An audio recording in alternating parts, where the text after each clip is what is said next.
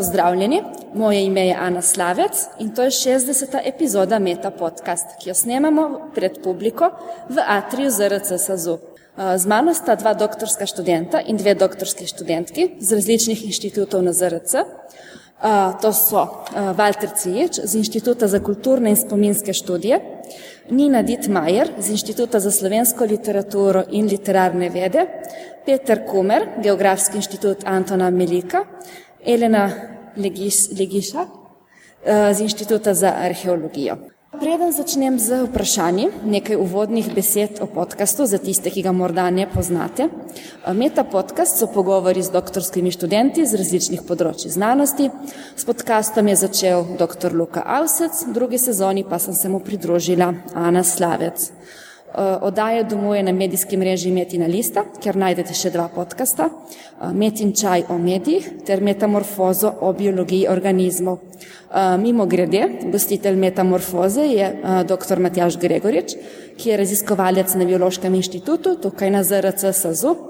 Tako da naj vas sestava današnjega omizja ne zavede, čeprav na ZRC prevladujejo humanistične vede, je na inštitutu tudi nekaj naravoslovnih oddelkov. Danes imam, sem izbrala same humaniste, ampak verjamem, da to ni zadnja epizoda, ki jo snemam tukaj na ZRC SAZU. Je pa današnja epizoda posebna, ker je to zadnja epizoda v tretji sezoni podcasta in nekako sovpada tudi s koncem šolskega leta. In bi zdaj tukaj na tej točki vprašala moje sogovornike, ali ste kdaj na koncu šolskega leta dobili kakšna darila? Ne vem, na koncu v srednji šoli za odličen uspeh, za maturo, za diplomo. Ste kdaj dobili kakšno darilo? Ja, kakšen denar mogoče. Kakšen denar. Ja, jaz se ne spomnim, da bi kaj posebno dobivala. Moji starši so ponovadi rekli, ne učiš se zaradi daril, učiš se zase. Ampak, če bi že želela kaj dobiti, tako pač malo samo promocije, imam tukaj knjigo Zanimiva, navdihujoča, uporabna, ki sem jo souredila skupaj z Luko Avsecem in Natašo Briški, urednico Metine liste. Gre za zbornik prispevkov mladih raziskovalcev in raziskovalk, ki smo jih intervjuvali v prvih dveh sezonah podcasta. Gre za brezplačno publikacijo, ki jo, ki jo podarjamo podpornikom Meta podcasta. Če želite izvod, obiščite stran metinalista.si, kjer lahko nakažete donacijo, s katero boste podprli podcast in druge znanstvene vsebine na Metini listi. In kot darilo dobite to knjigo, ki se meni zdi zelo primerno darilo za nekoga ob zaključku šolanja, predvsem mogoče za nekoga, ki ne ve, kam bi šel naprej, ki mogoče razmišlja o doktorskem študiju. Tukaj notri so v bistvu zgodbe sedemdesetih, sedemdesetih raziskovalcev z različnih področij. Okej, toliko v bistvu danes promocije te knjige. Na dogodku bomo tudi izžrebali pet srečnežev, ki bodo dobili izvod, kot smo napovedali. Zdaj pa vprašanja. Začela bom z Walterjem, s katerim imava nekaj skupnega. Oba sva študirala na FDV, smer družboslovna informatika, jaz še po starem programu, Walter po novem. Zanima me, Walter, kako si s FDV prišel sem na ZRC SAZU? Um, Ja, v bistvu sem končal uh, dodiplomski študij družboslovne informatike. Uh, že na začetku samega dodiplomskega študija mi je, bila, mi je vedno bolj postajala všeč antropologija. Uh, tako da ob, ob koncu dodiplomskega študija nekako sem se hotel odmakniti od uh, smeri, ki je nekako zaznamovana z kvantitativnim raziskovanjem in z ogromno statistične analize nekih različnih družbenih pojavov. In hotel sem raziskovati nekako ne abstraktne fenomene, ampak na načine, na katerem se politični in ekonomske transformacije poznajo nekako v vsakdanjem življenju običajnih ljudi, preučevati socialne prakse in tako naprej. Tako da sem se odločil v bistvu za magisterij socialne in kulturne antropologije na oddelku za etnologijo in kulturno antropologijo filozofske fakultete. In potem tam so se začeli tudi nekako vedno bolj luščati moji interesi za antropologijo postsocializma, transnacionalne migracije, postsocialistične družbe in tako naprej. Zdaj po po koncu magisterija je bila zadeva malo mal taka uh, negotova, zato ker takrat se je ravno ukinilo schema za sofinanciranje. Po drugi strani sem pa tudi jaz sam pri sebi nisem bil čist prepričan, kaj točno bi rad raziskoval v, v doktoratu. In na mojo srečo se je takrat, ko sem jaz začel nekako, ko sem se odločil, v bistvu, ko sem videl, da si želim raziskovati vprašanja povezana z tranzicijskim lastninjenjem širom posjugoslovanskega prostora, sem pregledoval v istem času razpis za mlade raziskovalce, kjer sem na mojo veliko srečo odkril mentorco Tanjo Petrovič iz Inštituta za kulturne in spominske študije. Uh, ona je precej pozitivno sprejela idejo, da delam uh, nekaj v tej smeri v uh, srpskem mestu Zrenjani, ki je recimo po eni strani precej simptomatično za, za tranzicijske procese, ki so se odvijali, po drugi strani pa tudi precej izjemno. Tako da predstavlja nek ogromen družbeni laboratorij in Potem sem jaz eh, leta 2013, mislim, da postal mladi raziskovalci in zdaj končujem v bistvu doktorat. Uh, to je to, kar se tiče poti glede ZRC, na ZRC. Um, ja, dolgo pot do ZRC SAZU je imela tudi Nina, um, ki je začela v bistvu študijem, na dodiplomskem študiju si študirala slovenistiko in teologijo. Ne, zelo, Ne, e, jaz sem pa študirala eno predmetno slovenistiko na filozofski fakulteti v Mariboru. Na to sem v času študija spoznala, to je bil pedagoški študij, ker v Mariboru ni, možno, ni mogoče študirati ne pedagoške slovenistike, kot je mogoče to v Ljubljani. In ker sem v času študija spoznala, da, da po mojem mnenju nimam lasnosti, ki bi jih pač naj imel učitelj, uh, sem sem pač se odločila, da si, želim, da si ne želim učiti in tudi nisem po študiju opravljala pripravništva, um, ampak sem se odločila za znanstveno raziskovalno delo.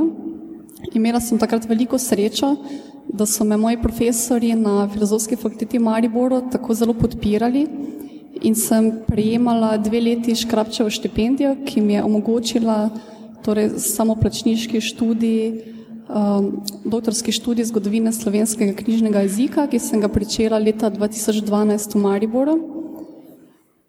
Um, nažalost, sem prejemala to štipendijo samo dve leti.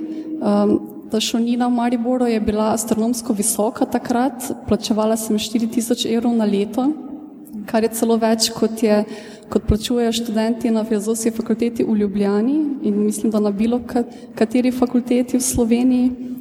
Um, no in potem so sicer nekoliko znižali, tako da zdaj mislim, da je ta šolnina nekje okoli 3000 evrov, ampak še vedno je to zelo visoka šolnina in mislim, da je filozofska fakulteta s temi šolninami precej zmanjšala svojo finančno luknjo, ki jo je imela, ne, pa verjetno jo še ima. No in potem Hkrati, ko sem se vpisala torej na doktorski študij, sem se vpisala zaporedno na eno predmetni študij teologije. Tako da to bi zaporedni študij, eh, zanj sem se odločila iz več razlogov. Eden od teh je bil, eh, da sem se svojem doktoratu, torej če se ukvarjaš z zgodovino slovenskega jezika, zgodovino slovstva, se večinoma ukvarjaš s crkvenimi besedili. In ker sem si želela pridobiti večje znanje, eh, torej znanje crkvene zgodovine, znanje eh, recimo latinščine, grščine, hebrejščine, torej klasičnih jezikov, eh, znanje svetega pisma, eksegeze in tako naprej. Mi je ta študij v bistvu zelo koristil tudi pri mojem doktoratu, ker sem se ukvarjala v bistvu s pridigarskim jezikom. No in potem sem imela pa še eno veliko srečo in ta je bila, uh, da sem se prijavila na uh, razpis za mladega raziskovalca na Inštitut za slovensko literaturo.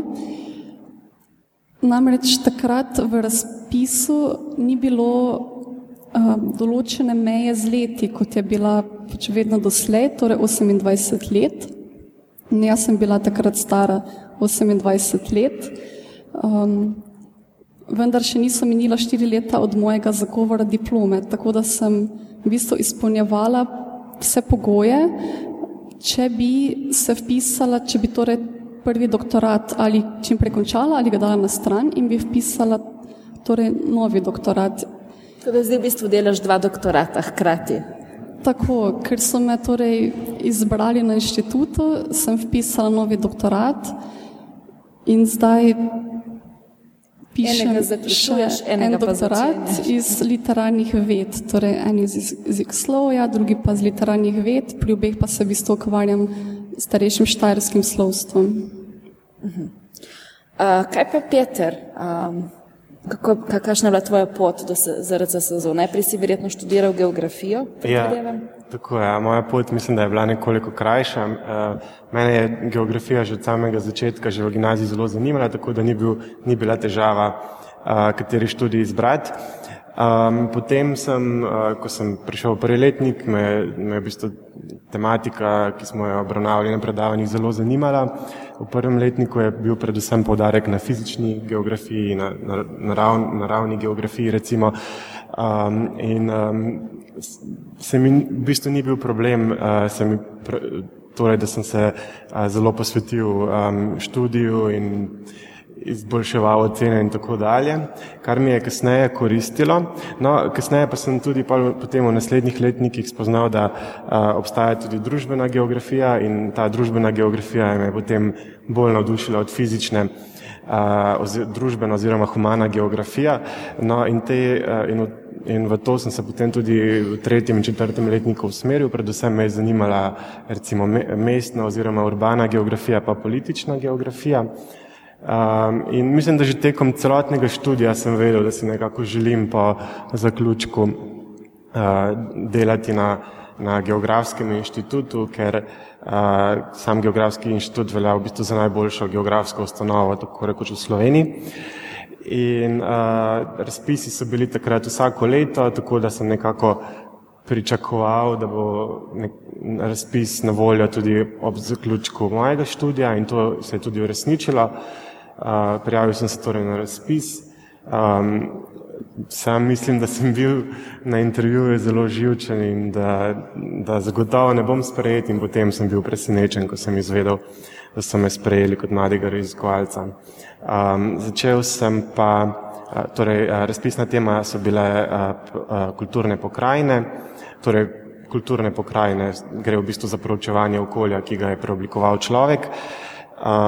V našem, govorimo o kulturnih pokrajinah, imamo v mislih podeželsko pokrajino v bistvu, tako da sem se iz tiste politične oziroma in tudi urbane geografije preusmeril na podeželsko geografijo.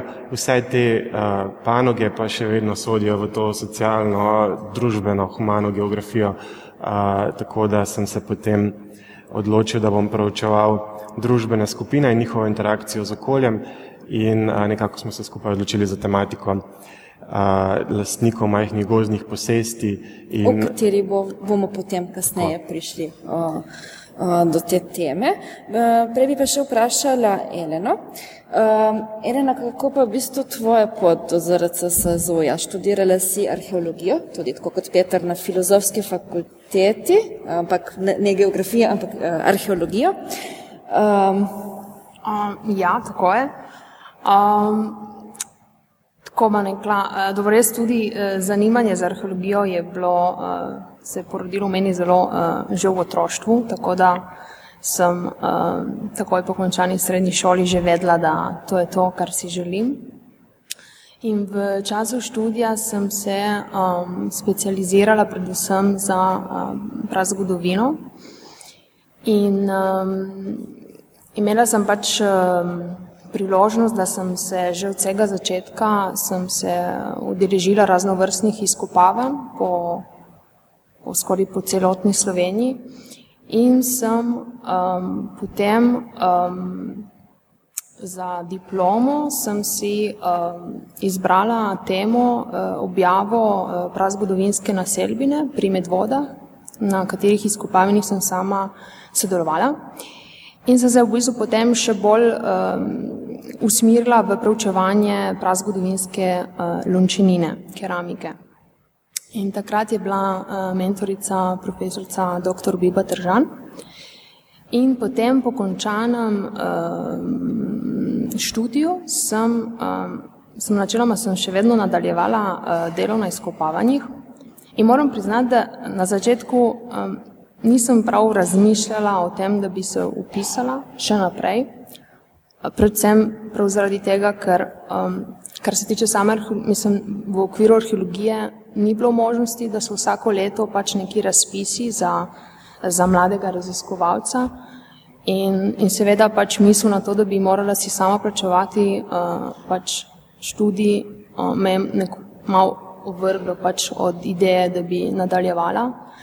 In se je potem um, zgodilo, da um, me je um, profesorica Držanova uh, opozorila, da da, pač, eh, da, bo, da bo razpis za mladega raziskovalca tukaj na inštitutu za arheologijo na ZRC-ju in da seveda proučevanje bo usmerilo prav v prazgodovinsko keramiko, dobro ne, um, ne čist samo bronastodobno, temveč tudi bakrenodobno in me to vsekakor um, zelo zanimalo. Uh, tudi pač, ker gre za, išlo pač za območje Ljubljanskega barja in sem se pač prijavila, šla na razgovor in danes sem tukaj. Um, in danes ste vsi tukaj na ZRC Sazoju. Um, Walter, uh, ukvarjaš se predvsem z družbenimi in kulturnimi razsežnostmi političnih in ekonomskih transformacij postjugoslovanskega prostora. Um, kot si napisal v doktorski dizertaciji, obravnavaš privatizacijo, socialni konflikt in vsakdanje življenje nekdanjih industrijskih delavk in delavcev v tranzicijski Srbiji. Kako si se odločil za to temo? Um, jaz mislim, da delno je, delno je tema, iz, uh, pač zanimanje za temo izhaja iz zanimanja za antropologijo postsocializma. Bil sem uh, še v času do diplomskega študija na izmenjavi na Češkem, ker je nek mađarski profesor antropologije posvetil dva semestra temam iz antropologije po socializma in takrat mislim, da se je začela oblikovati nekako, uh, vedel sem takrat, da v bistvu je to nekaj, kar si želim v prihodnosti raziskovati. Um, kar se tiče same te teme, jaz mislim, da je bilo dost spontano in mogoče na pol zavedno, ampak kot sem recimo v času, dokler sem bil še dodiplomski študent, eh, so me že te stvari nekako v grobem zanimale, ker so se dogajale podobno kot v Srbiji, tudi v Sloveniji, eh, zgodbe izčrpavanj podjetij, eh, lastninske koncentracije in tako naprej. In zdele so se mi takrat še precej kompleksne teme, kar definitivno so, glede na, če upoštevamo načine, na katere se je dogajala recimo privatizacija. Tako da jaz bi rekel, da na začetku doktorata je, to še, je bilo to še vprašanje, v bistvu za me tudi neko iskreno, a je zdaj to res ta tema, eh, ki bi jo rad počel, ampak po parih letih študija, branja, terenskega raziskovanja se mi zdi, da je nekako vedno bolj prišlo v spredje, da to je preprosto ena tema, ki se mi zdi ne samo zanimiva, ampak tudi, da je treba govoriti o njej, ker gre večinoma za neko stvar, ki pada v ne, družbeno pozabo in tako naprej. Ne. Um, omenil si tudi terensko delo. Kakšne so zdaj te metode terenskega dela, ki jih uporabljaš?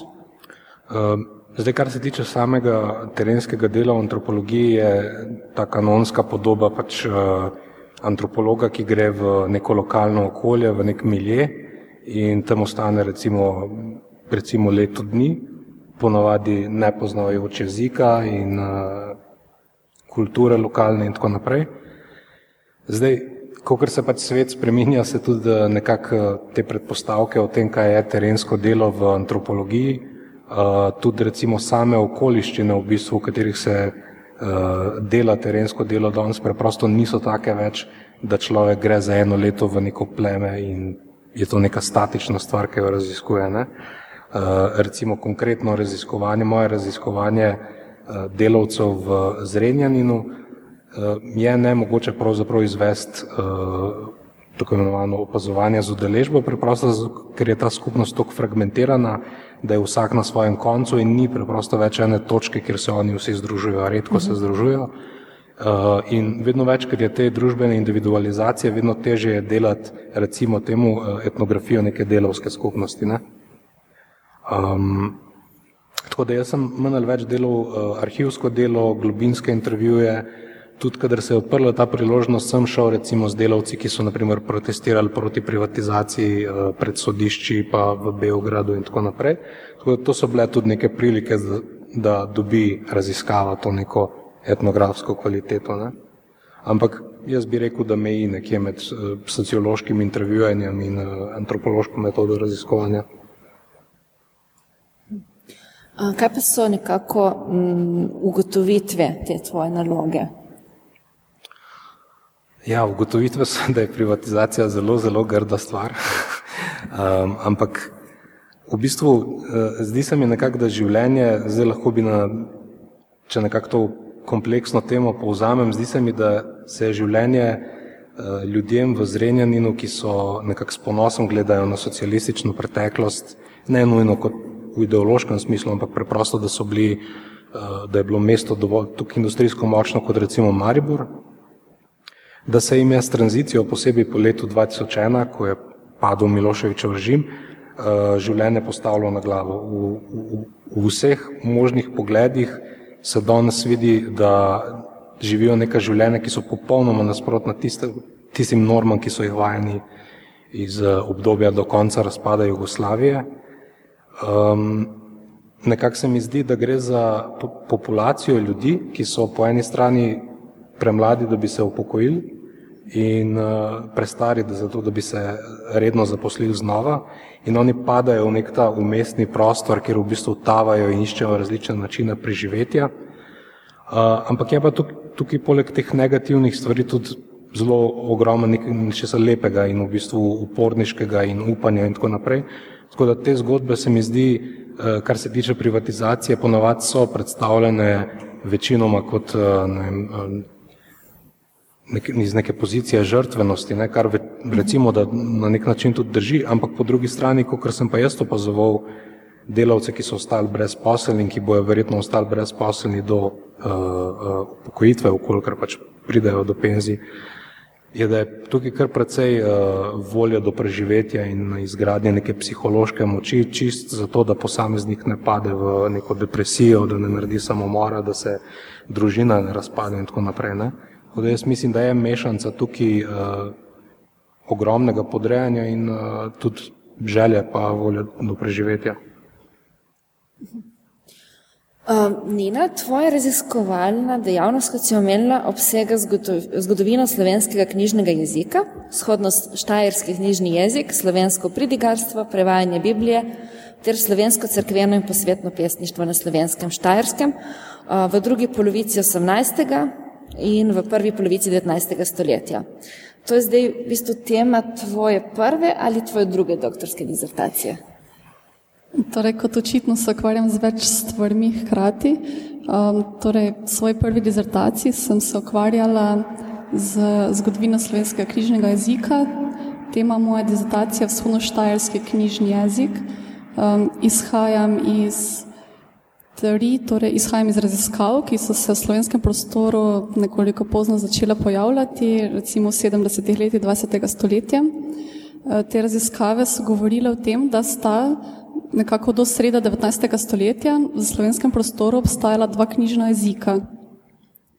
Torej, osrednja slovenski knjižni jezik izhaja iz alpske jezikovne tradicije in se je uveljavil um, z deli slovenskih protestantskih piscev v 16. stoletju, torej Trubar, Dalmatin, Krel Bohorič in se potem dokončno preobrazil z gorenskimi pisci v 18. stoletju, ki so začeli vnašati gorenske razlikovalne prvine, torej namesto Trubarjevega, Trubarjevega Bog, Gospod, Bog, Gospod, ni bilo več dvoglasnega, torej niso več pisali svet, ampak svet.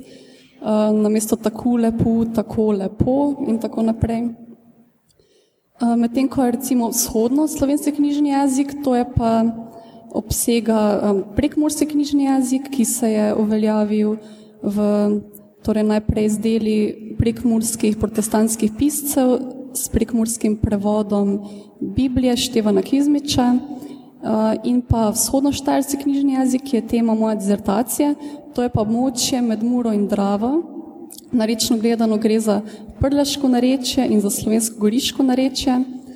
Ta jezik se je uveljavil za kratek čas, slovnico Petra Dajnka leta 1824 in je nekako zamrl, ko so prepovedali v šolah rabo Dajnčice, to je bila pisava, ki jo je Peter Dajnko uvedel nekako v istem času, kot jo Metelko Metelčico v ljubljanskem okolju. Kakšna pisava je bila to, ni podobna današnji letinici? Pisava je bila v bistvu bolj preprosta kot bohoričica, saj je uvajala recimo samo nekaj različnih glasov, torej um, grafeme za šumnike, č, ž in š, uh, nekaj časa tudi poseben grafem za štajerski glas ü, recimo vre, uh, to je ta u z, z dvema pikicama, zakroženi u, ki se je zapisoval kot y in bil je tudi poseben znak za mehki n, za nj, ampak kasneje so se ta dva znaka opustila, tako da v bistvu so bili posebni samo trije znaki. To je bila zelo preprosta pisava proti pisavi, ki jo je imela Buhoričica. Um, ampak uveljavila se je potem kasneje pisava Gajica, kateri pišemo tudi danes. Um, namreč štajerski pisci so recimo začeli uporabljati Gajico veliko prej, kot se je uveljavila v slovenskem prostoru.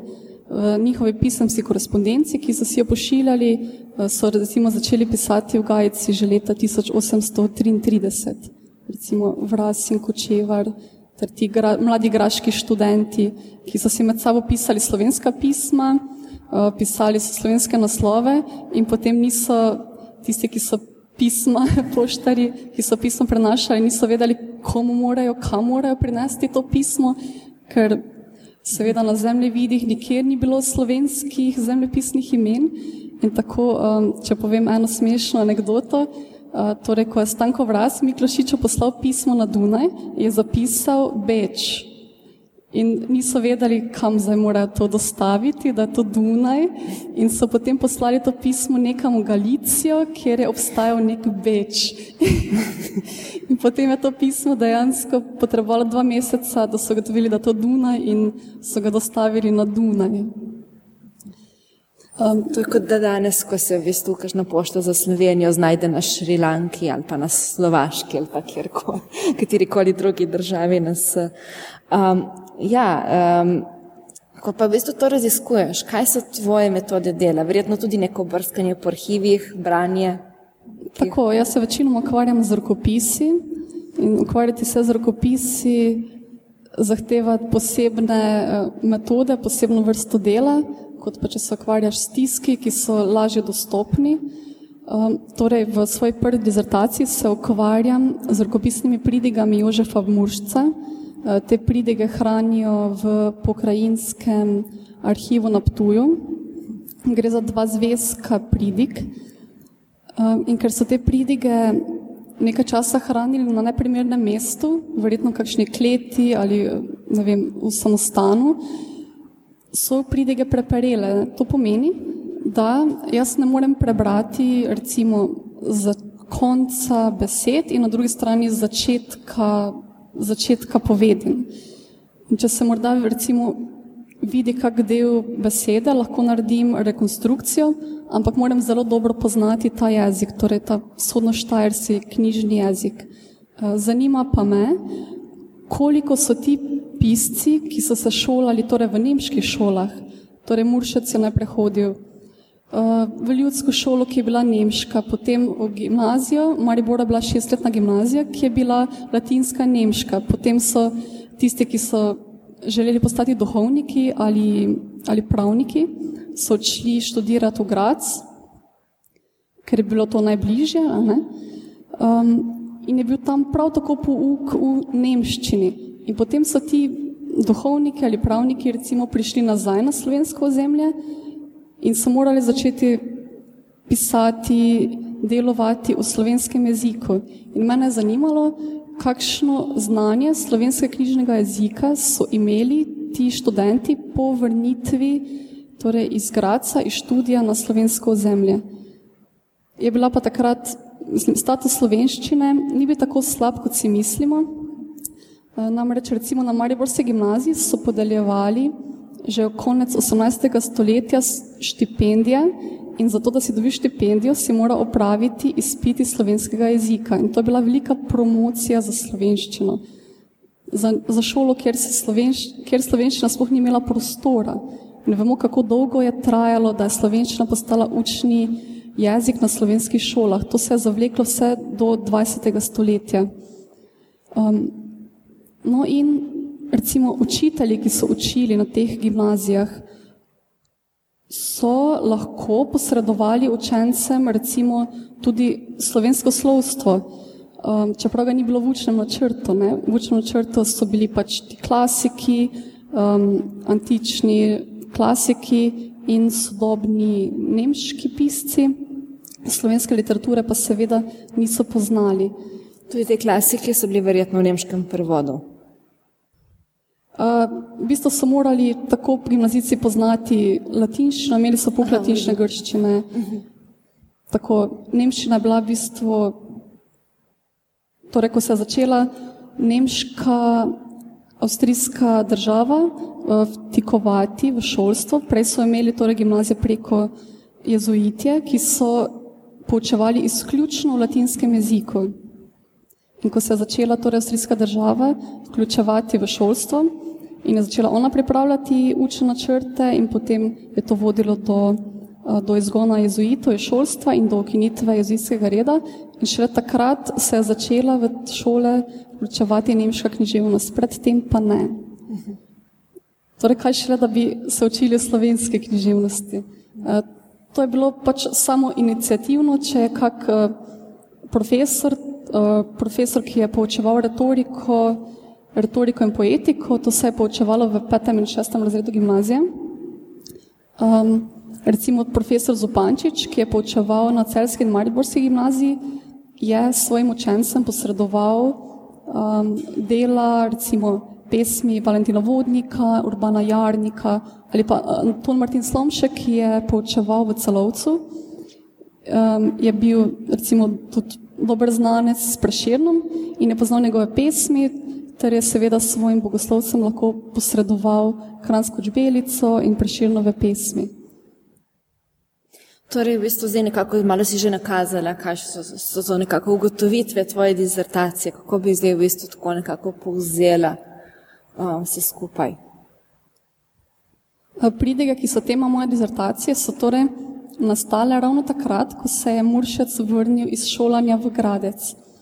In v Gracu so imeli takrat stolico slovenskega jezika, ki so morali obiskovati eh, torej vsi slovenci in tudi Nemci, ki so kasneje delovali med slovenskimi ljudmi kot uradniki, kot učitelji, kot duhovniki in so seveda morali poznati slovenski jezik, da so lahko komunicirali z ljudmi.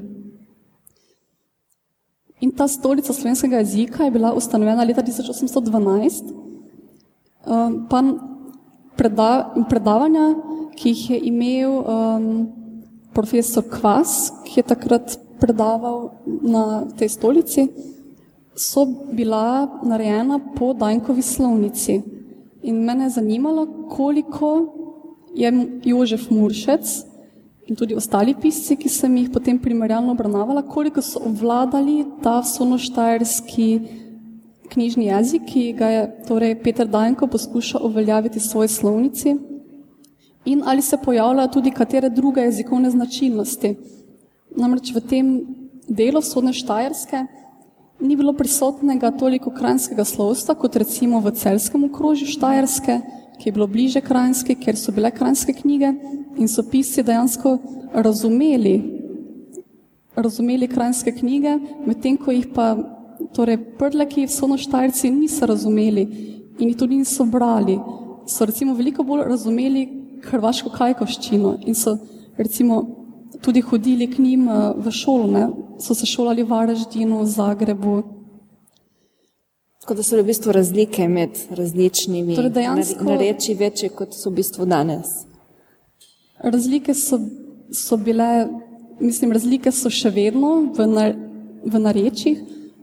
Takrat ni bilo slovenskega knjižnega jezika. Um, in ti pisci so se začeli približevati temu, tej ideji o enotnem knjižnem jeziku, o enotnem slovenskem narodu. Ne? Ta ideja se pojavi, torej v, oziroma bila je prisotna že pred letom 1848, še bolj pa po revolucionarnem letu 1848 in takrat je Luka Svetec v časopisu Slovenija objavil članek, kjer je pač zapisal nekatere oblike, ki bi jih naj upoštevali torej vsi pisci.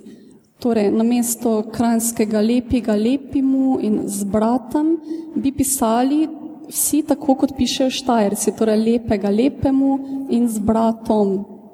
Ali pa namesto veznika D, ki so ga pisali krajci, veznik da. In vse to je ostalo v bistvu do danes v slovenskem križnem jeziku.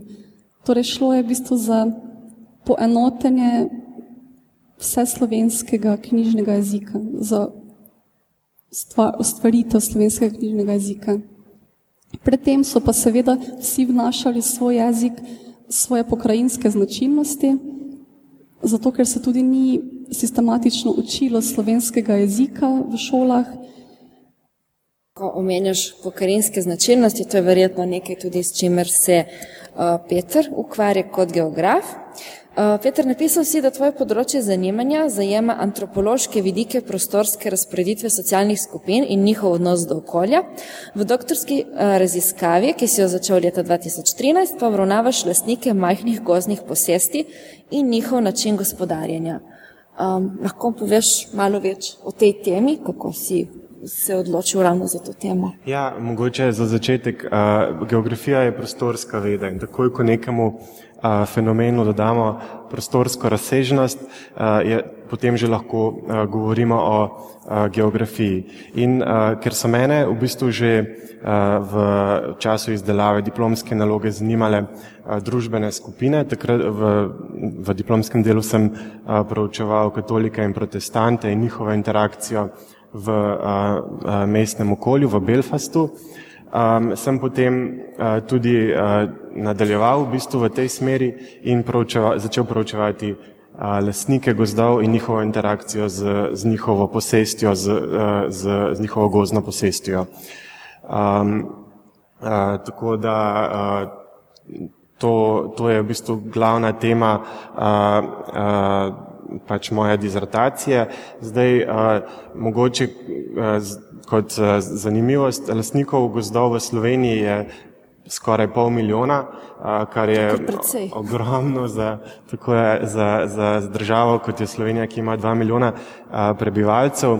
To bi spomenil vsak četrti slovenec. Ja, mislim, da tam nekje vsak šesti slovenec ja, je, je lastnik gozda. Um, večina teh lastnikov ima, uh, ima manjše posesti, uh, 89% od vseh lastnikov ima manj, im, manj kot 5 hektarov gozda. Zdaj uh, v povprečju je ta številka uh, še manjša. Uh, recimo uh, uh, lastnik, ki sem ga uh, ki, ki je bil udeležen, eden lasnik, ki je bil udeležen v moji raziskavi, je imel nič cela nič 4 hektara gozda. A, tako da gre za lasnike, ki imajo izjemno majhne posesti, a, ki so izjemno slabo vključeni v gospodarjenje oziroma sploh ne, ne gospodarijo z gozdom. Uh, zelo pogosto gre za lastnike, ki sploh ne vejo, kje imajo gost in ne vejo, koliko ga imajo. Uh, tako da je ta problematika za Slovenijo recimo še kako pomembna, ker v Sloveniji imamo 60%, 60 površja uh, prikriva gost in lastniki, ki imajo manj kot 5 hektara, pokrivajo št, uh, 40% uh, tega, teh, tega območja. No. Ampak potem mogoče to razlog, zakaj ima Slovenija, mislim, je povezano s tem verjetno, da Slovenija v bistvu po površini ima kar precej gozda? Ja, tako je, ja. kot rečeno, 60, uh, 60 odstotkov. No, mogoče je zanimivo pri tej skupini lastnikov majhnih gozdnih posesti v primerjavi z lastniki, ki imajo uh, večje posesti, 30, 40, 50 hektarov, bi recimo to pomenilo v Sloveniji, da so te lastniki bolj, uh, bolj urbani, torej živijo bolj v urbanih uh, predeljih Slovenije, da niso povezani s kmetijstvom in, oziroma da so zaposleni v neagrarnih dejavnostih, da je med njimi več, da je, torej, da je med njimi več žensk. In skratka gre za posledice nekega stihijskega dedovanja, ker, vendar, ker vendarle je bilo gozdarstvo tradicionalno v domeni moških, potem pa se je nekako skozi generacije ta naveza izgubila in je prišlo, je prišlo gost v roke e, recimo širše populacije ne? in zato je tudi recimo več, več žensk, več, več takšnih, ki so zaposlenih v neagrarnih dejavnostih in tako naprej. Aha. In v bistvu zdaj to, kaj pomeni, da je nekdo lastnik gozda, v bistvu ima verjetno lahko z tega neke koristi, ker pač ima lahko neko gospodarsko korist, kaj pa v bistvu tudi mora plačevati kakšen davek kot lastnik gozda? Uh, gospodarske koristi so, so zelo majhne. Uh, kot rečeno, jaz sem preučeval majhne lastnike. Uh, lastnike majhnih posesti. To, to so take, takšne posesti, katerih, na katerih skoraj ni um, rentabilno, da se, da se gospodari, ker je že samo um, že, že vložek uh, za, za delo in za mehanizacijo večji od dobička. Um, rentabilno postane takrat, ko se lastniki začnejo uh, povezovati. To pa je v, Sle v Sloveniji zaradi nekih kulturnih razlogov a, zelo težko. A, Slovenija je država, kjer so a, s, a, lastniki izrazito nenaklonjeni a, povezovanju. Um, zdaj, uh, torej govorimo, ko si vprašala o koristih, govorimo o teh funkcijah gozda, ki so nekako razdeljeni v tri skupine. Ena je ta proizvodna, proizvodna funkcija, potem pa so še uh, okoljska in uh, socialna torej okoljska gost, recimo kot ponor za oglikov dioksid, kot prostor, kjer se proizvaja čist zrak, potem socialna gost kot prostor, kjer se rekreiramo, kjer uživamo lepote, kjer se pomirjamo. Uh, tako da, uh, ampak, ampak to ni ta gost, uh, ki, ki ga imajo lastniki v lasti, ampak to je nek gost, v, ki nam je blizu. Um, recimo, prebivalci Ljubljane je blizu Rožnik, ampak ni nujno, da je tam tudi lasnik. Um, kakšne so bile tvoje metode raziskovalnega dela? Kako ja. si v bistvu prišel do teh lasnikov in kako si v bistvu je šlo tukaj za neko anketo, za intervjuje?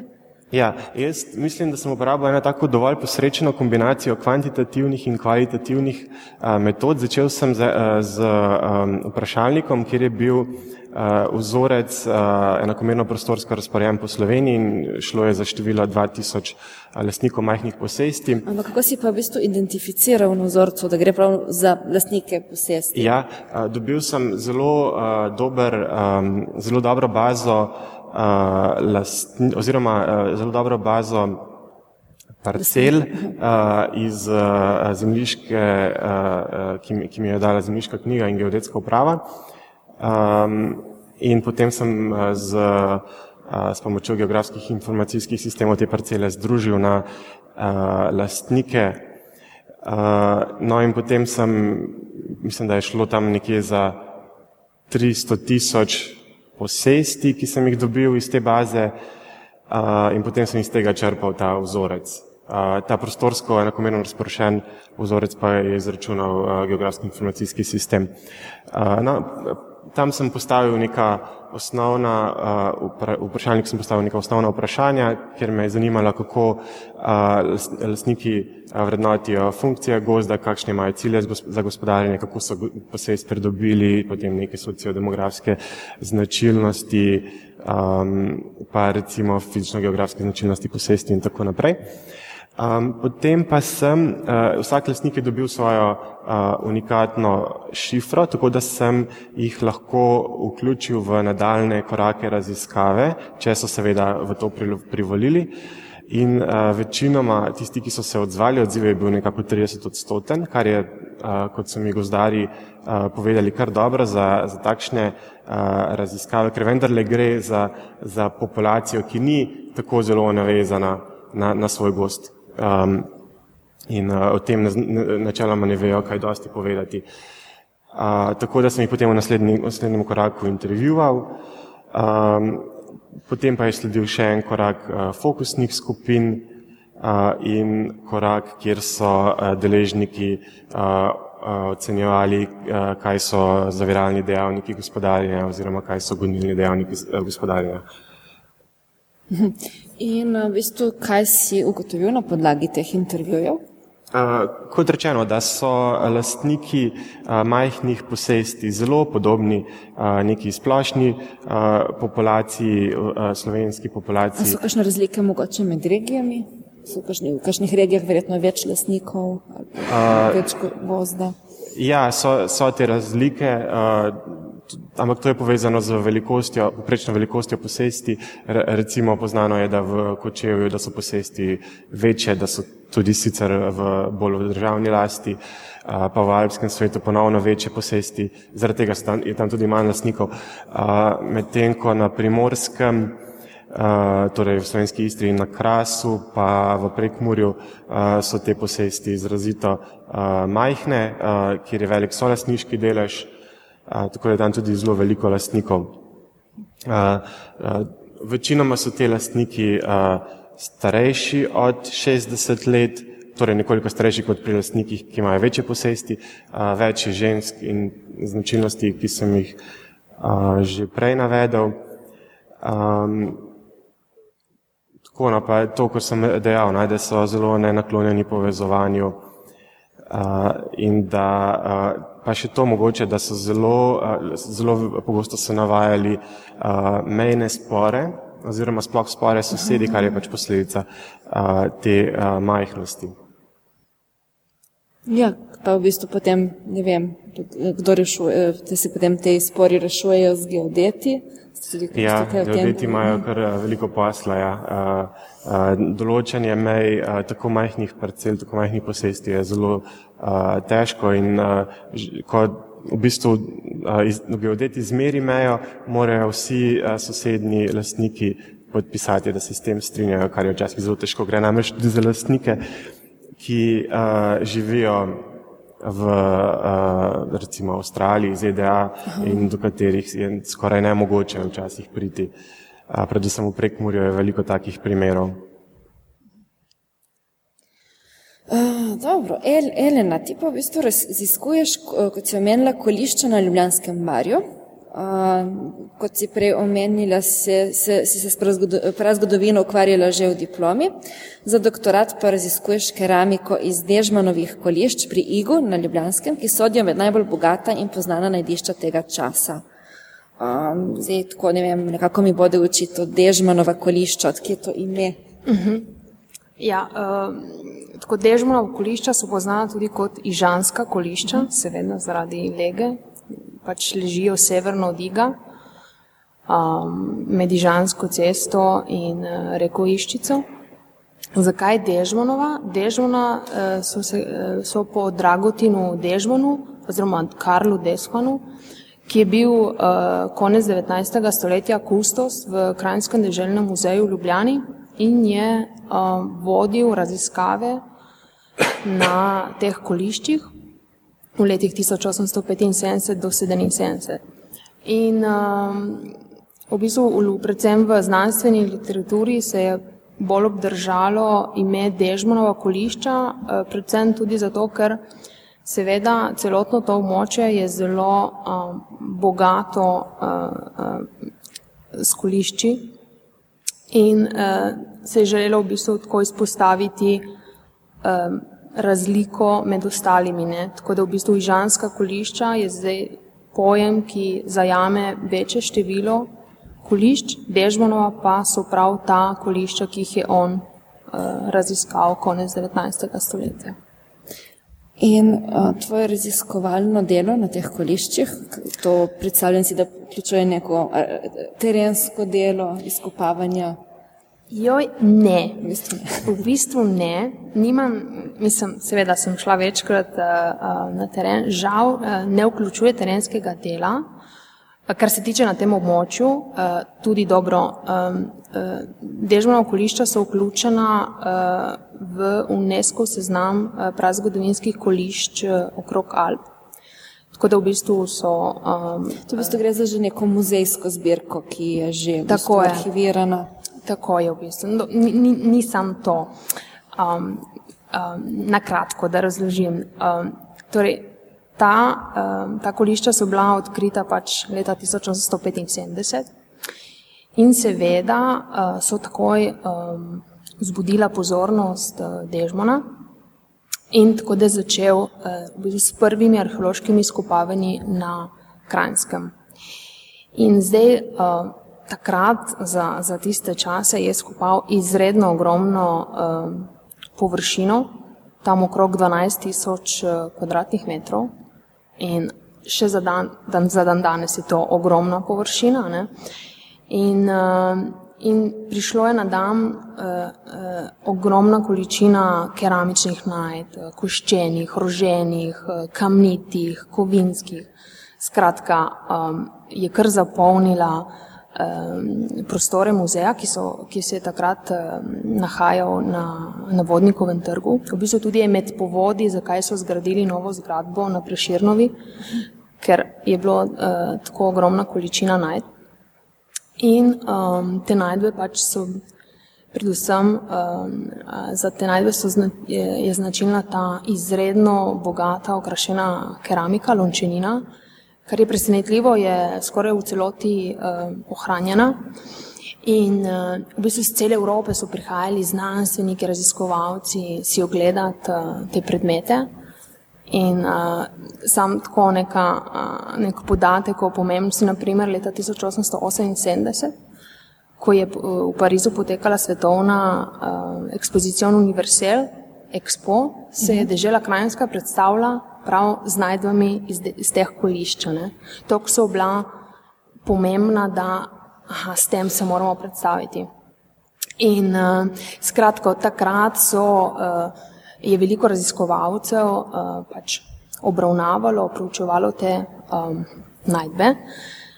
Um, do objave uh, je pa prišlo že leta 1000, že med navednicami, 1969. Um, zdaj, seveda, od takrat je minilo skoraj 50 let in nekako objava je In tudi sama interpretacija je nekoliko zastarela. In zato se je pač porodila potreba, da se ponovno vrednoti te najdbe, um, tako objavljene kot neobjavljene, ki so hranjene v Narodnem muzeju Slovenije. In, um, in to je v bistvu bil začetek uh, mojega dela. Um, in tako da zaujame v bistvu najprej pač preučevanje gradiva, najd. Um, seveda se nisem osredotočila le na najdbe iz dežmanih kolišč, ker v bistvu z, z ponovnim vrednotenjem ustvarimo neko tipo kronološko analizo, uh, kajti v bistvu v samih oblikah, uh, okrasu, uh, ki, uh, uh, s katerim so okrašene posode, arheologi pač preučujemo eh, vplive, stike eh, pač širšim območjem. Ne? V bistvu na podlagi tega um, gradimo um, pač sam potek um, preteklosti oziroma pač vseh teh interakcij. Ampak potem sem, veda, sem se odločila, da je nujno potrebno, da si ogledam tudi najdbe iz sočasnih uh, kolišč na Ljubljanskem barju. In sem potem uh, začela uh, tudi z, s pregledom najd, ki so hranjene v mestnem muzeju v Ljubljani. Uh, mislim, seveda ta revizija je zelo dolgo trajala, recimo sem bila en mesec, samo v, en mesec, eno leto v Narodnem muzeju Slovenije, potem sem pač nadaljevala še revizijo v mestnem muzeju um, Ljubljana. Potem seveda sem želela tudi si ogledati najdbe iz tujine, ki so pač iz sočasnih najdišč in sem potem šla tudi v eh, Trst, kjer je zastopana izredno podobna um, kot na Ljubljanskem barju, kar je zelo zanimivo, glede na to, da sem strsta. Um, in potem sem šla še na Hrvaško, sem morala še si ogledati najdbe iz uh, Vučedola, Vukovarja, Vinkovcih, Osijeka. In, in na koncu seveda tudi še, sem šla še do, na prekmurjo Mursko soboto. Skratka, iz tega vidika je to nekako mislim, terensko delo med navednicami. In kaj je bila v bistvu ugotovitev te tvoje raziskave, te primerjave, prispevek tega? Ja, um, v bistvu um, zdaj. Um, Seveda, eden izmed seveda, prvih problemov uh, gradiva, s katerim uh, se ukvarjam jaz iz Dežmovnih koliš, je ta, da nisem imela kontekstov. V smislu, konec 19. stoletja, takrat je Dežman uh, odkril vsaj tri kolišča in seveda, po, um, tako kot se je pač takrat dogajalo, so bile vse najdbe združene glede na njihove tipološke uh, oblikovne značilnosti. In s tem smo seveda izgubili podatek, katere najdbe so bile odkrite na prvem, na drugem in na tretjem kolišču. In med mojimi raziskavami sem želela tudi to vsaj deloma odkriti, tako da sem šla tudi preko arhivov, um, pač raznovrstnih dežmovih poročilih, um, zapisih. Um, so v bistvu metode, kako se nekaj arhivira in skladišči drugačne, kot so danes. E, ja, mislim, ne, ja, seveda, to se kakor, ampak rada sem želela v bistvu um, vedeti, saj za čim večje število, kdaj so bile nekatere najdbe odkrite. In potem sem šla tudi pač seveda prebirati uh, časopise takratne, ker seveda so pisali skoraj vedno o tem. Kar je bilo super. Novica na prvi strani. Ne, dobro, ne na prvi strani, ampak no, prva novica v slovenskem narodu je bila velikanska najdba. Da, ampak no, rezultati pa so nekako sledeči in sicer pač zdaj na tem območju celotna poselitvena slika je bila zelo dinamična. Govorimo o tretjem tisočletju pred našim štetjem. In imamo opravka seveda z, večjim število, uh, številom kolišč in uh, glede na pač rezultate tipa kronološke analize, pa tudi upoštevanje seveda radiokarbonskih datacij pa anal, dendrokronoloških analiz, um, je bilo ugotovljeno, da med najstarejšimi uh, naselbim, naselbinami sodi v bistvu um, um, med temi dežmanovi uh, prvo kjer je zastopana predvsem tako imenovana uh, vplivi tako imenovane vučedolske kulture, um, ki je bila iz, v tretjem tisočletju ena izmed najbolj razširjenih, prepoznanih um, um, kultur, razširjena predvsem v osrednji del oziroma izvorno področje in središče te kulture v Slavoniji. Um, in v enem trenutku se vplivi te kulture so se razširili vse do Slovenije, tudi do Češke, eh, Bosne in tudi do dobro, tudi Mačarska, Slovaška.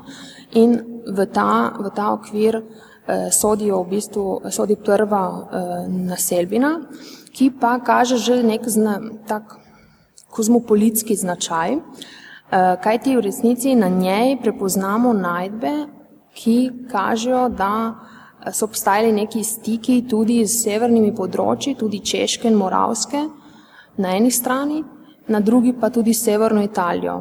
Um, no, ta kolišča pa so vsekakor zelo kratkotrajna, tako da uh, pač ko eno uh, kolišče preneha, pač je bilo zgrajeno zelo hitro, verjetno drugo, ne, tako da je zelo nek kontinuiran razvoj. In v mlajši fazi uh, pa se pride do nekih sprememb. Zdaj, seveda, težko reči, ali so spremembe posledica prihoda uh, novih ljudstev, ker eden izmed uh, problemov ali pa misterijev na Ljubljanskem barju je ta, da človeške kosti so izredno redke, jih skoraj da ni. In um, v bistvu imamo pravka z ogromnim številom kolišč, ampak nimamo grobišč. Tako da se ne ve, kaj so delali, uh, mislim, kje so jih pokopavali ali na kakšen način.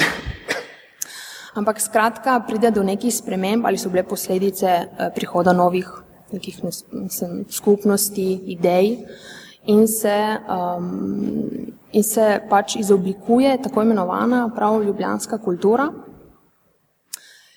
v kateri pa se odražajo vsekakor eh, tudi še vedno vplivi iz eh, severovzhoda, predvsem z Mačarske. Po drugi strani pa so ta nosilci te ljubljanske kulture oziroma te ideje so se močno razširile prav na tržaški kras in iz tržaškega krasa vse eh, po celo, skoraj po celotni vzhodno-jadranski um, obali oziroma predelu na območju. Uh, ja, zdaj bi, če ima publika potem kakšno vprašanje za katerega koli izmed štirih, zadržite še malo do konca.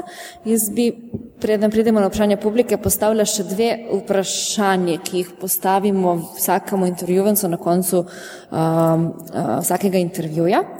Um, v bistvu teh vprašanj je ponavadi sedem, od teh sedmih sem izbrala samo dve. Uh, Um, in eno vprašanje je, če bi imeli priliko iti na kavo s predsednikom vlade, kaj bi mu predlagali, da izboljša na področju znanosti? Walter? Um, ja, jaz bi kar iskreno povedal, se mi zdi, da uh, tak pogovor predvideva, da, da me oseba na drugi strani uh, ne samo posluša, ampak tudi da upošteva, ne? Uh, kar pa se mi zdi glede na uh, izkušnjo, recimo, kako se, kako se ta vlada oziroma oblast vede.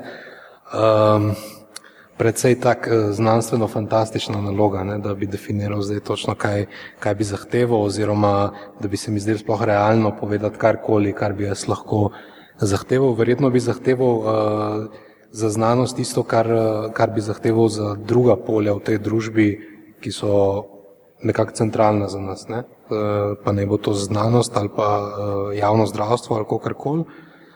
Um, ampak kot rečeno, v bistvu se mi zdi na desetko idealistično, uh, da bi povedal zdaj neko stvar, uh, ki bi jo zahteval, uh, pa ne bo to, ne vem, zvišanje uh, stopne financiranja uh, znanosti, ker preprosto se mi zdi, da um, imamo na drugi strani oblast, ki ni eh, ravno v stanju, da posluša oziroma ki je zmožna socialnega dialoga. Uh, Nina, bi temu kaj dodala?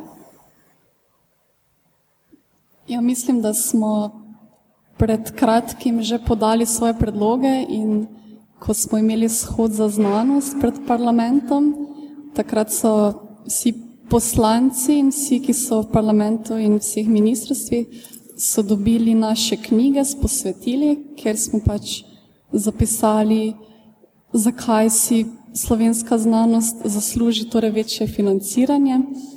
Um, no, če bi pa imela tako osebno priložnost se nekje usesti, pogovoriti z doktorjem Cererjem, bi, bi ga pa vprašala, kako to, da je tako dolgo, neverjetno dolgo trajalo, da so tako dolge polemike in prepričevanja in predlogi glede osmega člena zakona o visokem šolstvu, ki je s premembami, ki jih je vključeval in ki so bile na srečo zavrnjene, eh, je dovoljeval, da slovenski predavatelj slovenskemu študentu lahko predava v tujem jeziku.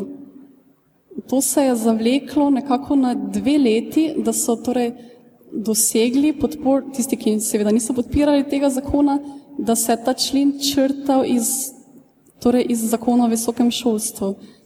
Jaz mislim, da se sploh ne bi smeli pogajati o tej temi, v katerem jeziku lahko predavajo uh, profesori torej v šolah, saj je slovenski jezik je učni jezik, je uradni jezik in to je zakonsko določeno v različnih zakonih, ne samo v ustavi, tudi v zakonu o javni rabi slovenščine.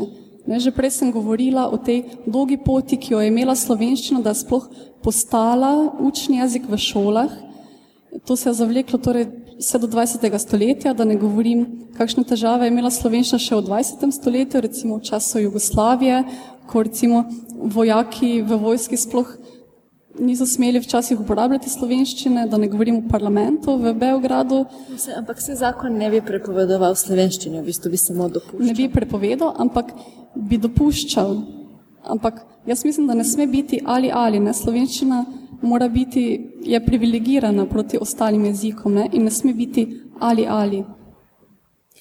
Peter, kaj, pa tva, kaj, bi pa ti, čem, kaj bi bila pa tema, katero, o kateri bi ti debatiral s predsednikom vlade, če bi te povabil na kavo? Kaj bi mu predlagal, da izboljša na področju znanosti?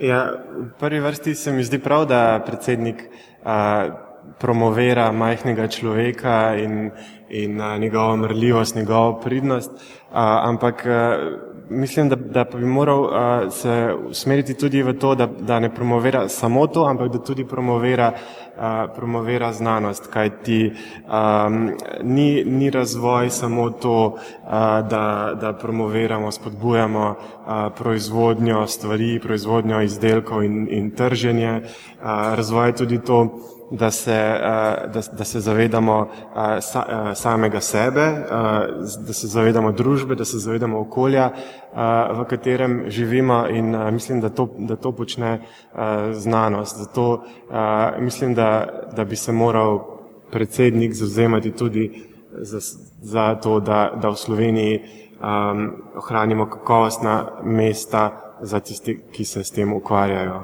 kakovostna delovna mesta. Um, Elena?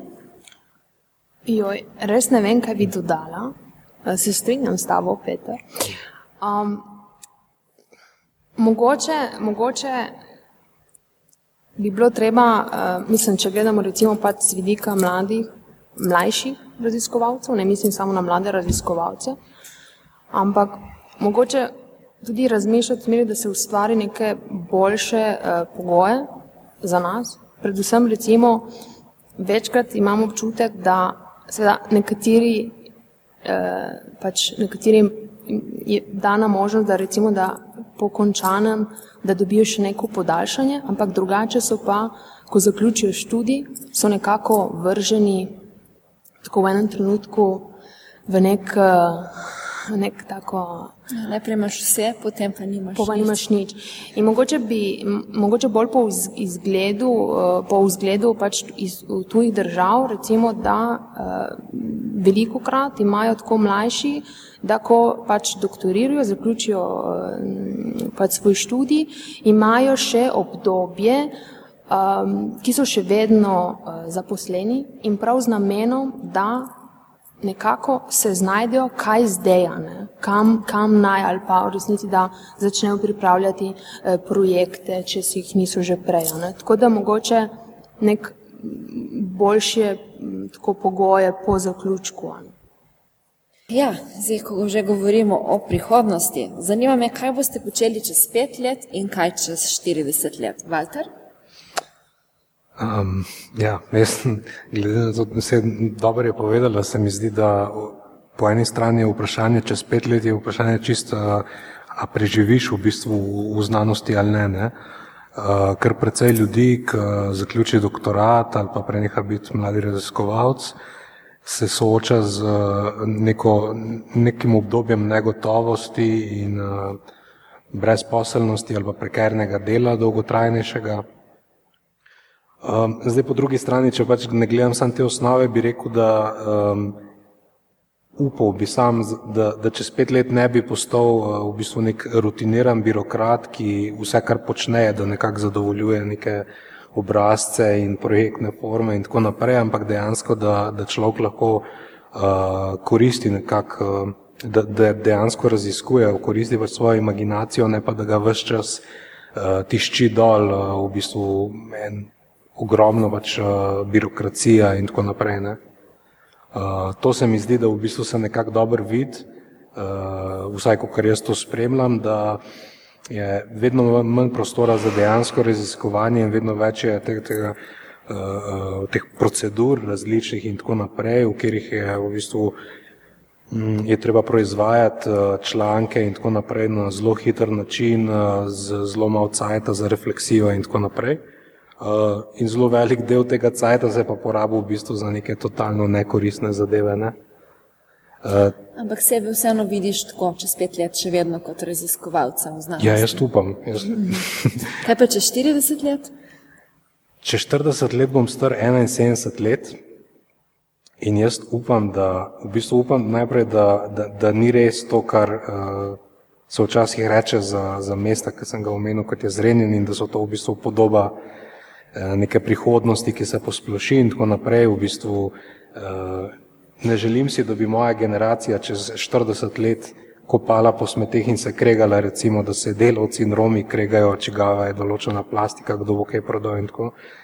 Ker se mi zdi, da neki trendi grejo v to smer. Ne. Jaz v bistvu v 70 letih upam, da bom uh, relativno zdrav, da me ne bo vse bolel, da bom igral lahko skrebal in veliko bral.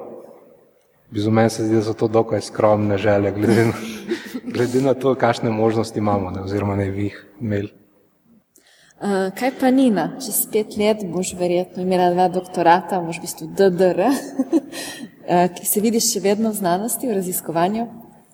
Ja, tako je. Čez pet let bo moj status mladega raziskovalca že potekel, razen če bom vmes srečala svojega bodočega moža in se bomo odločila za družino, potem se bo ta status podaljšal. Uh, sicer pa se čez pet let si, torej, si želim, da bi še naprej počela iste stvari, kot jih počnem sedaj.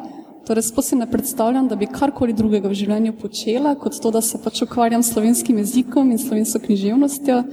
To je pač moje življenje. Um, in upam, da bom še naprej, da si bom zaslužila še naprej, da bom lahko iste stvari počela, torej, da bo čez pet let še denar zame, uh, sploh zato, ker so v Mariboru razširili raziskovalno postajo in se že kar nekako vidim v Mariboru, -huh. ker se na zadnje ukvarjam štajerskimi temami in je to zelo primerno mesto za me. Se tam vidiš tudi čez 40 let? Tako je. Mislim, da dokler bom lahko, bom verjetno raziskovala torej slovensko kulturo, slovenski jezik in tako naprej.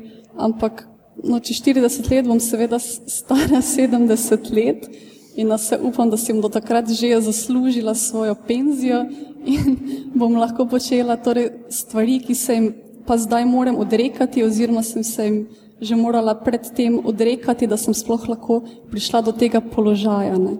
Ljudje se sploh ne predstavljajo, čemu vse se mora nekdo odreči, da lahko torej, v primernem času dokonča doktorat, da sploh pride do takšne službe. Ne? Kakšen življenjepis in kakšno bibliografijo sem jaz morala poslati, da sem sploh prišla do razgovora. Ja, v bistvu je tudi stanje, v Sloveniji stanje v bistvu precej te kompetitivnosti in uh, vse šteje. Peter, kaj pa ti, čez pet let in čez 40 let, kje se vidiš? Ja, ja, če je vprašanje, kaj si želim, pa če odmislimo uh, možnosti realne, kakšne so, potem se zagotovo vidimo v raziskovanju, ker mislim, da imam uh, še toliko izzivov, v, v, vidim še toliko izzivov v znanosti, da, da bi si želel ostati uh, uh, in nadaljevati svoje delo. Zdaj, čez 40 let uh, si pa v bistvu sploh ne upam pomisliti, um, ker je to tako dolga doba, da, da res ne vem, kje bom končal takrat in, in kaj si sploh želim, da se bo takrat zgodilo. Um, verjetno bi bilo že kar dobro, da bi bil v neki penziji, če bo to takrat sploh še obstajalo um, in uh, da bi imel neko zagotovljeno um, prijetno starost. Uh, Elena? Um, no, uh, čez pet let kje, uh, bom tudi jaz raje odgovorila, kje želim, da bi bila. Um, seveda si želim, da ostanem tudi jaz v, v, v, pač v raziskovalni um, dejavnosti. Um, zdaj ne vem, ali bi se vidim bolj, da bi mogoče upam, da bi mogoče imela nek pač projekt kot neka vrsta postdoc. Um, bi sigurno rada eh, nadaljevala raziskave na Ljubljanskem barju, čeprav seveda, da bi vključila tudi terensko delo, ki ga sedaj eh, kar pogrešam. Um, po drugi strani pa si želim, vem, da bi imela družino. Um, in čez 40 let pa bi po eni strani upam, da, da bom imela vsaj Dobro, se verjetno moja, če že bomo delala, pač do takrat še vedno v, v, v, v znanosti, da bom stala, pač upam, da bom vsaj imela en kanček občutka, da sem nekako nekaj pripomogla pač nasploh k razvoju pač slovenske arheologije. Um, tudi jaz si želim, da bi bila v penziji in priznam se pa vidim, da bom doma na krasu ponovno. Zdaj bom počasi dala besedo publiki, če ima kakšno vprašanje. Ima kdo kakšno vprašanje? Če ne bom jaz mogoče še kakšno. Ja.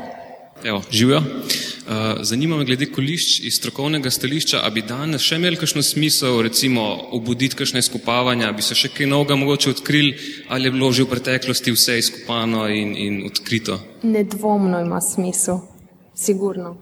Um, prvo kot prvo, ker tudi ni bilo izvedenih prav veliko izkopavanjih, v smislu obširnejših, v, govorim v zadnjih 50 letih pač raziskave eh, so pač omejene na zelo majhna območja, kljub temu so rezultati, po mojem, fenomenalni, ampak eh, recimo dobro skopavanje, ki je pač potekalo leta 2009 in 2010 na špici, dobro niso še objavljene eh, raziskave, ampak jaz si predstavljam, da recimo rezultati že teh novejših izkopavanj, ki so pač zajele vsekakor večjo površino, bi dobili še večjo, več podatkov. Ne. Si niti ne predstavljam po pravici, kaj bi bilo, če bi danes izkopavali Dežmanovo kolišča. Ne. Ker pa seveda to, kar imamo eh, danes na voljo v Dežmanih koliščih, po mojem je en kanček, glede na to, da so v konec 19. začetka 20. stoletja po pričevanju eh, pač Eh, ker z vozovi hodili izkopavati na črno. Ne? Tako da si ne predstavljam, koliko je to bilo ogromno. Po mojem je pač nedvomno se splača. Ne? Nedvomno. Hvala. Um, še kakšno vprašanje? Eh, Lepo zdrav. Jaz bi imela pa eno bolj drugačno vprašanje. Glede na to, da biti mladi raziskovalec oziroma biti raziskovalec je čist tak en poseben neživljenjski stil, ampak tudi življenjska odločitev, pa me zanima čisto iz človeškega vidika, kaj bi bila v bistvu en tak nasvet oziroma kaj bi bila ena popotnica vsem tistim, ki se more biti odločajo za to oziroma takrat, ko stvari postanejo težke, eh, ko recimo upade financiranje ali pa ko recimo življenje življenje poseže vmes. No, jaz, jaz, bom, jaz bom povedala v bistvu eno anegdoto, um, ki so mi jo povedali v bistvu pred parimi leti, mi je kolegica povedala, ki je bila prav tako tudi ona mlada raziskovalka. In to anegdoto so njej povedali. In jaz mislim, da kar um, pove veliko, kakšne situacije so večkrat mladi raziskovalci. In sicer na začetku, ko začneš doktorat, si pač na bregu jezera in pogledaš čez jezero in si zadaneš cilj, aha, zdaj tukaj začnem plavati in bom prišel po tej poti do druge strani, do drugega brega. In začneš plavati in v enem trenutku si na sredini jezera in se utapljaš. In ne veš, kaj narediti in se zavedaš, da v bistvu pot, ki si si jo mogoče zadal, idealistično na začetku, je predolga in ne veš, a ti bo uspelo jo zaključiti.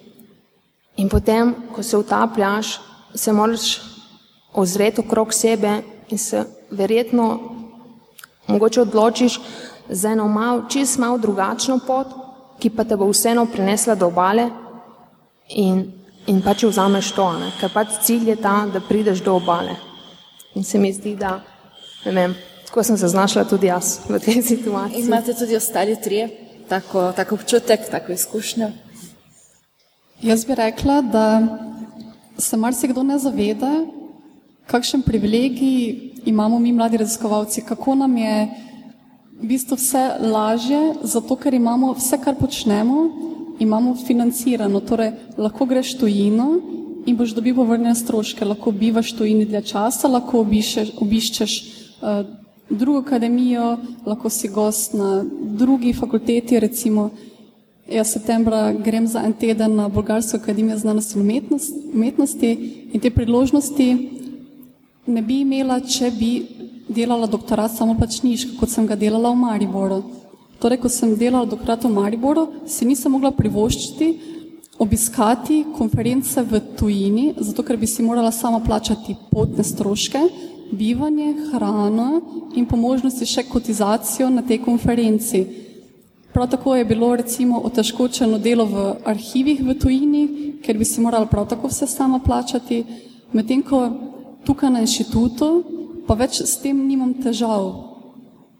In to bi se moral v bistvu zavedati vsak doktorski študent, ki se odloča, torej, ali se bo prijavil na razpis za mladega raziskovalca ali bo delal doktorat samo plačniško. Ne? In to bi morali v bistvu že prej vsem povedati, preden se upišajo. Valter in Petr, vidva sta tudi, sta, oziroma sta mlada raziskovalca, ne? Imate tudi v bistvu ta privilegij. Bi še vidva kaj dodala na to A, temo? Jaz mislim, da je res uh, privilegij uh, in da je v bistvu res ena čudovita priložnost uh, to, da smo lahko mladi raziskovalci. Kljub temu bi priporočal, če se odločate ali želite, bit, uh, želite se prijaviti na razpis ali ne, morate razmišljati onkraj teh treh let in pol oziroma onkraj štirih let, ali si želite dolgoročno ostati v znanosti, kaj ti doktorat izven znanosti pravzaprav ne koristi, je lahko celo v škodo.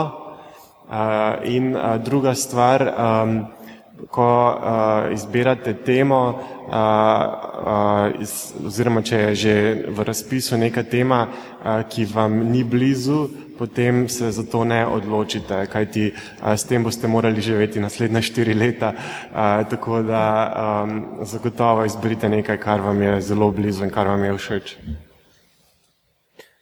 Um, ja, meni je ta anekdota ful všeč. Uh, zdi se mi, da je to definitivno tako, človek se počuti doskrat, da se utaplja. Um, mislim, jaz mislim, da rab človek precej psihične moči, da zdrži nekako uh, konstantno, da iz dneva v dan to dela, ker se mi zdi, da včasih se zdi tako zelo sizifovsko uh, to početi, nekako iz dneva v dan pišeš doktorat in v bistvu ne veš, čeprav veš, da imaš nekaj narejen, veš, da je še ful tega uh, in da na drugi strani imaš mentorja, imaš komisijo in tako naprej. Uh, tako da doskrat je to nek osebni test, ampak jaz mislim, da vsak, ki si, ki mu je fajn raziskovanje, mislim, da bi mogel iti, uh, če se odloča za MRA, da, da je to neka res super priložnost. Nažalost je um, financiranje doktoratov povsem podhranjeno, tako da je to res ena redka priložnost za človek štiri leta praktično v miru spet odvisno, kakšen je mentor, ampak da načeloma v miru lahko raziskuje, veliko prebereš in se tudi dejansko razviješ. Mislim, da to je poanta mladega raziskovalca, da v nekaj letih napreduješ in nekak doktorat je pol tudi izhodišče za vse naprej nadaljne raziskave. Um, jaz tako zelo konkretno, če bi povedal, bi rekel, da um, je treba po moje začeti delati od prvega letnika naprej, da je treba imeti tak nek dolgoročen plan za delo, Um, pa tako čim več se mreži, čim več pisati, uh, tako kot je rekel, pač razmišljati o, o, o mlademu raziskovalcu kot uh, neki dolgoročni uh, zadevi, sploh če hočeš ostati v, v okolju, ker vse to blazno šteje, ne? Uh, publikacije, uh, omreženost in tako naprej. Ne? Uh, še kakšno vprašanje? Um, jaz bi mogoče nekaj na hitro vprašala. V bistvu za vse štiri, Valter, ti si zdaj omenil pač mentorja. Um, eno izmed vprašanj, ki jih jaz na koncu intervjuja ponadi postavim, vsaj, oziroma v tretji sezoni, ki sem ga postavljala, je, uh, kdo je pač, um, kdo je vaš mentor in uh, če bi povedali neko anegdoto zdaj z njim, oziroma mogoče ne anegdoto, ampak ne vem, kako pomemben je bil, bil v vašem doktorskem delu, kakšno podporo ste imeli, tako mogoče vsak na kratko nekaj, kdo je mentor in. Ja, moja mentorica je Tanja Petrovič iz uh, Inštituta za kulturne in spominske študije ZRC. Um, jaz bi rekel, da, da Tanja je zelo dober mentor, ker je uh, nekako, če gledam izkušnje drugih mladih raziskovalcev, je razumela, da je prva naloga mladega raziskovalca, da napiše doktorat, da napiše kvaliteten doktorat, da ima dovolj časa za to, ne pa pač, eh, kot se dogaja v nekaterih drugih primerjih, kjer je pač eh, recimo mentor pretirano obremeni eh, mladega raziskovalca z nekimi drugimi nalogami. Tudi pomembno se mi zdi, da imava neke sorodne interese raziskovalne, kar se mi zdi, da pol kar precej prispeva k temu, da sta nekako usklajena v tem postopku kritike, pisanja in popravljanja in tako naprej. Uh, kar se tiče anekdote, jaz ne vem, mislim, moja mentorca je po, po eni strani uh, raziskovalec in resen človek, po drugi strani ima pa pač to neko uh, balkansko sproščenost, kar je zaradi česar je. Ti je mi primerno. Neki tazga, ja. A, Nina, kaj pa v bistvu tvoj mentor ali mentorica? Ja, jaz imam pa dva mentorja.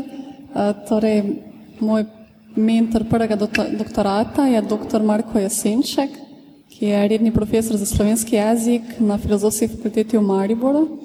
Torej, moj mentor drugega doktorata in hkrati Moj mentor mene kot mlade raziskovalke je pa dr. Luka Vidmar, eh, ki je raziskovalec na Inštitutu za slovensko literaturo.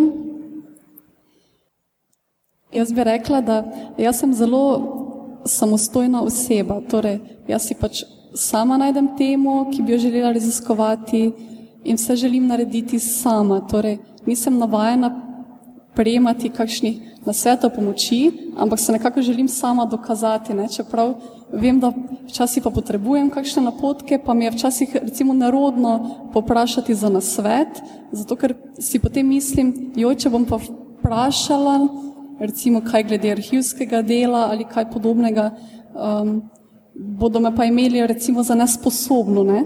ampak sem se nekako naučila, da je vsaka kritika, ki jo dobiš ali na svoje pisanje ali nasploh na svojo raziskavo, karkoli, da bi se pripomore k tvoji osebnostni rasti, torej da si lahko še boljši, boljši raziskovalec, zato ker je nemogoče, da bi nekdo vedel pa čisto vse in vedno se moramo izboljševati in nadgrajevati svoje znanje in tako naprej. In mislim, da mi oba mentorja mi dovoljujeta to mojo individualnost in to samo inicijativnost, um, ampak hkrati me pa tu in tam podrezata in moram potem poročati, kaj počnem, kaj sem do zdaj naredila in predstaviti svoje delo.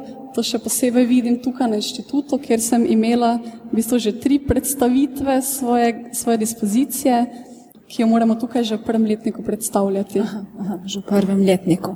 Uh, Peter, kaj pa pri tebi, tvoj mentor? Ja, jaz imam dve mentorici. Prva je dr. Irma Potočnik Slavič iz oddelka uh, za geografijo na filozofski fakulteti, druga pa dr. Mimi Urbanc uh, iz uh, ZRC uh, SAZU. Obe sta uh, raziskovalki po duši in obe sta se celoten čas izdelave mojega doktorata izjemno poglobile v moje delo in sodelovali v vseh korakih in srečevali smo se zelo pogosto.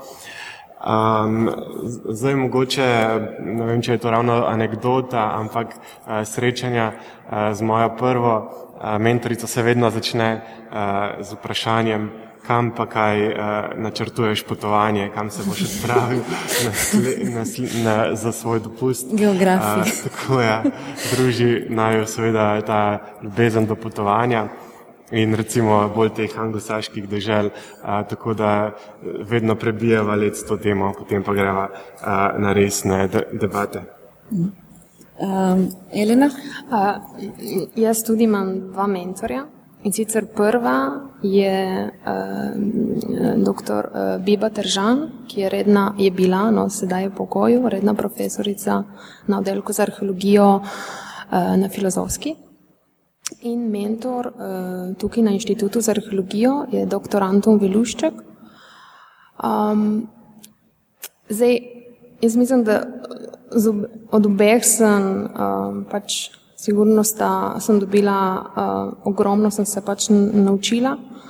Um, profesor Zadržanova sigurno mi je, je pripomogla, da sem se nekako, uh, tako, da mi je dala dobre kritike, komentarje, predvsem kar se tiče same te bolj tradicionalne, te tipokronološke, um, kulturološke študije.